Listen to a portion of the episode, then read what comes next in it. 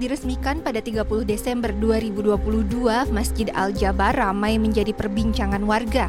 Pembangunan masjid yang dimulai di era Gubernur Ahmad Heriawan ini menuai pro dan kontra dari berbagai kalangan, berkaitan dengan anggaran pembangunan yang fantastis mencapai 1 triliun rupiah, serta bersumber dari anggaran pendapatan dan belanja daerah atau APBD. Worth it aja ya ada dalam pembangunan dengan seharga itu karena itu menjadi ikonik Islam juga di Bandung. Cukup lumayan besar sih kalau untuk uh, tanggapan saya gitu kan untuk apalagi pakai APBD daerah uang rakyat.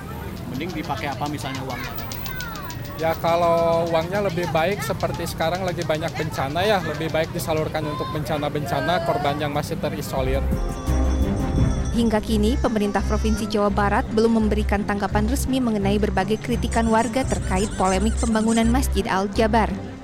Berdasarkan tangkapan layar di akun media sosialnya, Ridwan Kamil menyebut penggunaan dana negara termasuk APBD sudah berdasarkan kesepakatan bersama dan dibahas dalam forum musrenbang.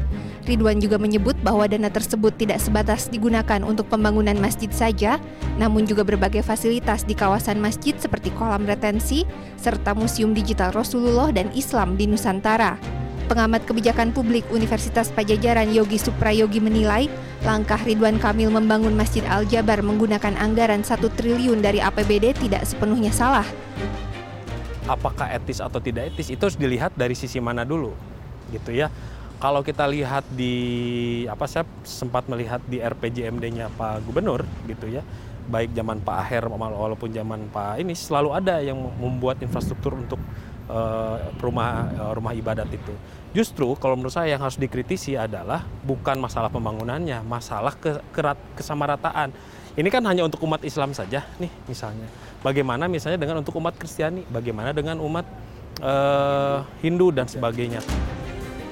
Sebaliknya, Dekan Fakultas Ilmu Sosial dan Politik Universitas Parahyangan Pius Sugeng Prasetyo, menurutnya masih banyak permasalahan yang lebih mendesak untuk segera diatasi ketika kita mengatakan mana yang prioritas, mana yang mendesak kan, kemudian pemerintah mestinya sensitif untuk hal ini ya.